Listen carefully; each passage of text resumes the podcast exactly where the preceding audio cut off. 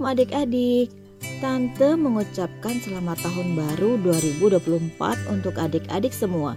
Semoga kalian menjadi anak yang lebih baik lagi. Selalu dalam penyertaan Tuhan, tetap rajin mendengarkan podcast dan membaca Alkitab. Tema renungan hari ini adalah kerendah hatian yang memberkati.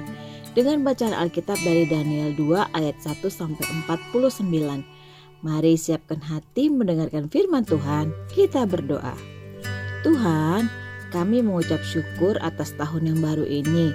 Kami masih sehat dan kecukupan setiap hari. Kami mau lebih rajin lagi belajar firman Tuhan. Tuhan yang tolong kami. Saat ini kami hendak mendengarkan firman Tuhan. Bimbinglah kami agar firman Tuhan dapat kami mengerti dan pahami sesuai kehendak-Mu. Bukalah hati dan pikiran kami untuk mendengar dan menerima firman Tuhan. Kiranya firman Tuhan dapat menjadi berkat bagi kami. Dalam nama Tuhan Yesus kami berdoa. Amin. Daniel 2 ayat 1 sampai 49 dengan judul perikop Mimpi Nebukadnezar. Pada tahun yang kedua pemerintahan Nebukadnezar, bermimpilah Nebukadnezar karena itu hatinya gelisah dan ia tidak dapat tidur. Lalu raja menyuruh memanggil orang-orang berilmu, ahli jampi, ahli sihir dan para kasdim untuk menerangkan kepadanya tentang mimpinya itu.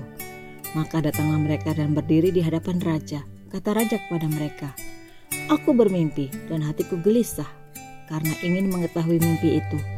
Lalu berkatalah para kasdim itu kepada raja dalam bahasa Aram, Ya raja, kekallah hidupmu. Ceritakanlah kepada hamba-hambamu mimpi itu, maka kami akan memberitahukan maknanya. Tetapi raja menjawab para kasdim itu, Aku telah mengambil keputusan, yakni jika kamu tidak memberitahukan kepadaku mimpi itu dengan maknanya, maka kamu akan dipenggal-penggal, dan untuk rumah-rumahmu akan dirobohkan menjadi timbunan puing. Tetapi jika kamu dapat memberitahukan mimpi itu dengan maknanya, maka kamu akan menerima hadiah pemberian-pemberian dan kehormatan yang besar daripadaku. Oleh sebab itu beritahukanlah kepadaku mimpi itu dengan maknanya. Mereka menjawab pula, silakan Tuanku Raja menceritakan mimpi itu kepada hamba-hambanya ini. Maka kami akan memberitahukan maknanya. Jawab Raja, aku tahu benar-benar bahwa kamu mencoba mengulur-ulur waktu karena kamu melihat bahwa aku telah mengambil keputusan yakni jika kamu tidak dapat memberitahukan kepadaku mimpi itu, maka kamu akan kena hukuman yang sama. Dan aku tahu bahwa kamu telah bermufakat untuk mengatakan kepadaku hal-hal yang bohong dan busuk sampai keadaan berubah. Oleh sebab itu ceritakanlah kepadaku mimpi itu supaya aku tahu bahwa kamu dapat memberitahukan maknanya juga kepadaku. Para kasdim itu menjawab raja, tidak ada seorang pun di muka bumi yang dapat memberitahukan apa yang diminta Tuanku Raja. Dan tidak pernah seorang raja bagaimanapun agungnya dan besar kuasanya telah meminta hal sedemikian dari seorang ber, berilmu atau seorang ahli jampiat atau seorang kasdim. Apa yang diminta Tuanku Raja adalah terlalu berat dan tidak ada seorang pun yang dapat memberitahukannya kepada Tuanku Raja selain dari dewa-dewa yang tidak berdiam di antara manusia. Maka raja menjadi sangat geram dan murka karena hal itu. Lalu dititahkannya lah untuk melenyapkan semua orang bijaksana di Babel. Ketika titah dikeluarkan supaya orang-orang bijaksana dibunuh, maka Daniel dan teman-temannya pun terancam akan dibunuh. Lalu berkatalah Daniel dengan cerdik dan bijaksana kepada Aryok, pemimpin pengawal raja yang telah pergi untuk membunuh orang-orang bijaksana di Babel itu. Katanya kepada Aryok, pembesar raja itu, mengapa titah yang begitu keras ini dikeluarkan oleh raja. Lalu Aryok memberitahukan hal itu kepada Daniel. Maka Daniel menghadap raja dan meminta kepadanya supaya ia diberi waktu untuk memberitahukan makna itu kepada raja.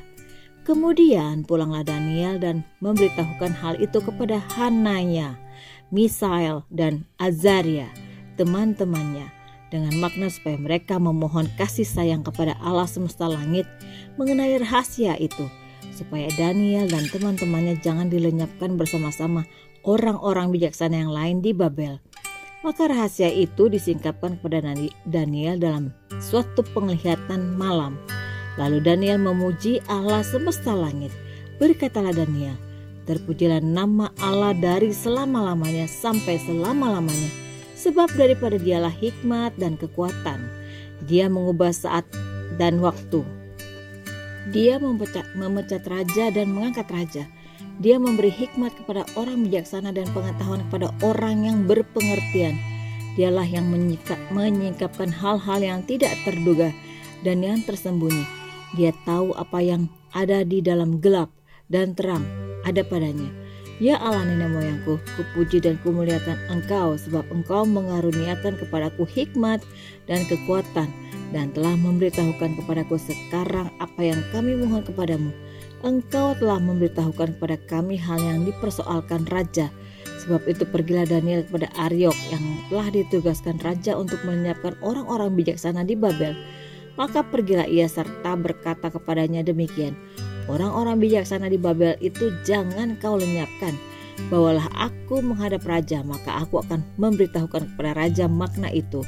Aryok segera membawa Daniel menghadap raja, serta berkata kepada raja demikian, Aku telah mendapat seorang dari antara orang-orang buangan dari Yehuda yang dapat memberitahukan makna itu kepada raja. Bertanyalah raja kepada Daniel yang namanya Beltesazar.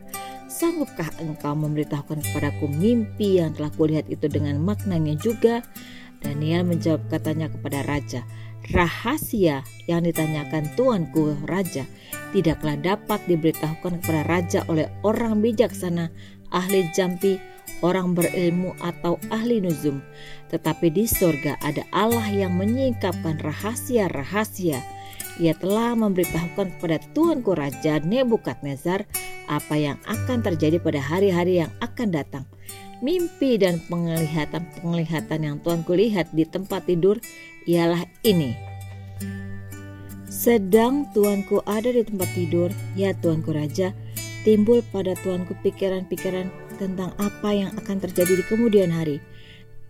Dan dia yang menyingkapkan rahasia-rahasia telah memberitahukan kepada tuanku apa yang akan terjadi Adapun aku kepadaku telah disingkapkan rahasia itu bukan karena hikmat yang mungkin ada padaku melebihi hikmat semua orang yang, di, yang hidup tetapi supaya maknanya diberitahukan kepada tuanku raja dan supaya tuanku mengenal pikiran-pikiran tuanku. Ya raja tuanku melihat suatu penglihatan yakni sebuah patung yang amat besar. Patung ini tinggi berkilau-kilauan luar biasa tegak di hadapanku tuanku dan tampak mendasyatkan. Adapun patung itu kepalanya dari emas tua, dada dan lengannya dari perak, perut dan pinggangnya dari tembaga. Sedang pahanya dari besi dengan kakinya sebagian dari besi dan sebagian lagi dari tanah liat. Sementara tuanku melihatnya terungkit lepas sebuah batu tanpa perbuatan tangan manusia lalu menimpa patung itu tepat pada kakinya yang dari besi dan tanah liat itu sehingga remuk. Maka dengan sekaligus diremukkannya lah juga besi, tanah liat, tembaga, perak, dan emas itu. Dan semuanya menjadi seperti sekam di tempat pengirikan pada musim panas. Lalu angin menghembuskannya sehingga tidak ada bekas-bekasnya yang ditemukan. Tetapi batu yang menimpa patung itu menjadi gunung besar dan memenuhi seluruh bumi. Itulah mimpi Tuanku dan sekarang maknanya akan kami katakan kepada Tuanku Raja Ya Tuanku Raja, Raja segala Raja, yang kepadanya oleh Allah semesta langit telah diberikan kerajaan, kekuasaan, kekuatan, dan kemuliaan, dan yang ke dalam tangannya telah diserahkannya anak-anak manusia, di mana pun mereka berada, binatang-binatang di padang dan burung-burung di udara, dan yang dibuatnya menjadi kuasa atas semuanya itu Tuanku lah kepala yang dari emas itu. Tetapi sesudah Tuanku akan muncul suatu kerajaan lain yang kurang besar dari kerajaan Tuanku Kemudian suatu kerajaan lagi yakni yang ketiga dari tembaga yang akan berkuasa atas seluruh bumi. Sesudah itu akan ada suatu kerajaan yang keempat yang keras seperti besi, tepat seperti besi yang meremukkan dan menghancurkan segala sesuatu dan seperti besi yang menghancur luluhkan. Maka kerajaan ini akan meremukkan dan dan menghancur luluhkan semuanya.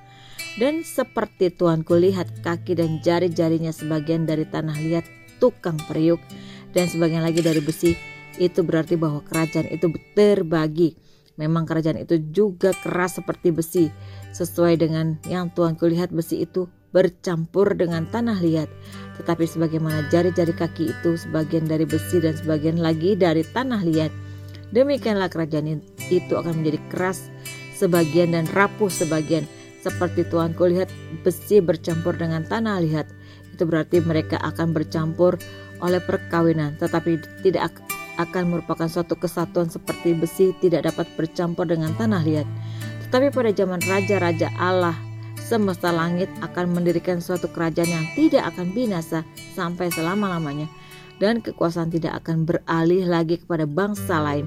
Kerajaan itu akan meremukkan segala kerajaan dan menghabisinya, tetapi kerajaan itu sendiri akan tetap untuk selama-lamanya tepat seperti yang Tuhan kulihat bahwa tanpa perbuatan tangan manusia, sebuah batu terungkit lepas dari gunung dan meremukkan besi, tembaga, tanah liat, perak, dan emas itu. Allah yang maha besar telah memberitahukan kepada Tuanku Raja apa yang akan terjadi di kemudian hari. Mimpi itu adalah benar dan maknanya dapat dipercayai. Lalu sujudlah Raja Nebukadnezar serta menyembah Daniel. Juga dititahkannya mempersembahkan korban dan bau-bauan kepadanya. Berkatalah Raja kepada Daniel, Sesungguhnya lah Allahmu itu Allah yang mengatasi segala Allah dan yang berkuasa atas segala raja dan yang menyingkapkan rahasia-rahasia sebab engkau telah dapat menyingkapkan rahasia itu. Lalu Raja memuliakan Daniel, dianugerahinya lah dengan banyak pemberian yang besar dan dibuatnya ia menjadi penguasa atas seluruh wilayah Babel dan menjadi kepala semua orang bijaksana di Babel. Atas permintaan Daniel, raja menyerahkan pemerintahan wilayah Babel itu kepada Sadrak, Mesak, dan Abednego. Sedang Daniel sendiri tinggal di istana raja. Demikian firman Tuhan. Wah, panjang sekali ayatnya adik-adik ya, tapi tidak apa-apa. Kita belajar untuk membaca Alkitab biarpun itu sangat panjang. Jadi, kitab yang kita baca hari ini adalah mengenai Daniel. Daniel adalah salah seorang pemuda Yahudi yang dibuang ke Babel. Pemberontakan bangsa Yehuda kepada Allah membuat mereka ditaklukkan oleh Raja Nebukadnezar dari Babel. Meskipun pemuda buangan, tetapi Daniel berasal dari keluarga bangsawan yang sangat cerdas dan berperawakan baik. Daniel berhasil mendapatkan kedudukan yang penting di Babel karena dia dapat mengartikan mimpi Raja Nebukadnezar. Karena Daniel mendapatkan karunia dan membuat dari Tuhan serta campur tangan Tuhan sehingga membuat Daniel menjadi orang yang dapat mengartikan mimpi dari raja tersebut. Raja Nebukadnezar sangat gundah karena mimpi aneh yang dialaminya. Tak seorang pun mampu mengartikannya karena sang raja tidak memberitahukan apa isi mimpinya. Karena marahnya ia menyuruh bunuh semua orang bijaksana yang ada di Babel. Daniel menjelaskan bahwa Nebukadnezar bermimpi melihat sebuah patung yang amat besar. Kepalanya terbuat dari emas, dadanya dari perak, perutnya dari tembaga, bagian bawahnya dari besi, sedang bagian paling bawah dari besi bercampur tanah liat. Artinya, emas adalah Nebukadnezar dengan Babel yang jaya. Selanjutnya adalah kemunculan kerajaan-kerajaan besar yang lebih lemah dan terus lebih lemah hingga akhirnya pada kerajaan yang nampak kuat perkasa namun juga rapuh. Daniel sebagai salah satu orang bijak yang dimaksud meminta penundaan pelaksanaan hukuman itu. Ia akan maju mengartikan mimpi raja setelah menghadap dan bertanya kepada Tuhan apa mimpi raja dan artinya, sehingga banyak orang bisa diselamatkan. Tiba-tiba ada sebuah batu yang menghantam patung itu pada bagian kakinya yang terbuat dari besi bercampur tanah liat. Sehingga hancur dan luluh lantaklah patung itu hingga tidak tersisa dan lenyap tertiup angin. Tapi batu itu tetap ada dan menjadi gunung yang besar. Artinya di tengah kekuasaan raja-raja, Allah semesta langit akan mendirikan kerajaan yang tidak akan binasa selama-lamanya. Kerajaan itu akan meremukkan segala kerajaan yang ada dan ia akan tetap berdiri untuk selama-lamanya. Daniel mengatakan kepada Nebukadnezar bahwa tak seorang pun akan dapat menjelaskan apalagi mengartikan mimpi raja. Tapi di surga ada Allah yang akan menyingkapkan semuanya karena ia maha kuasa dan maha tahu dan ia berkenan menggunakan Daniel sebagai lantarannya. Raja Nebukadnezar bersyukur mendapat peringatan itu karena kerendah hatian Daniel ia tahu bahwa Allah yang melakukannya. Ia lalu memuji dan memuliakan Allah. Apa pendapat adik-adik tentang tindakan Daniel?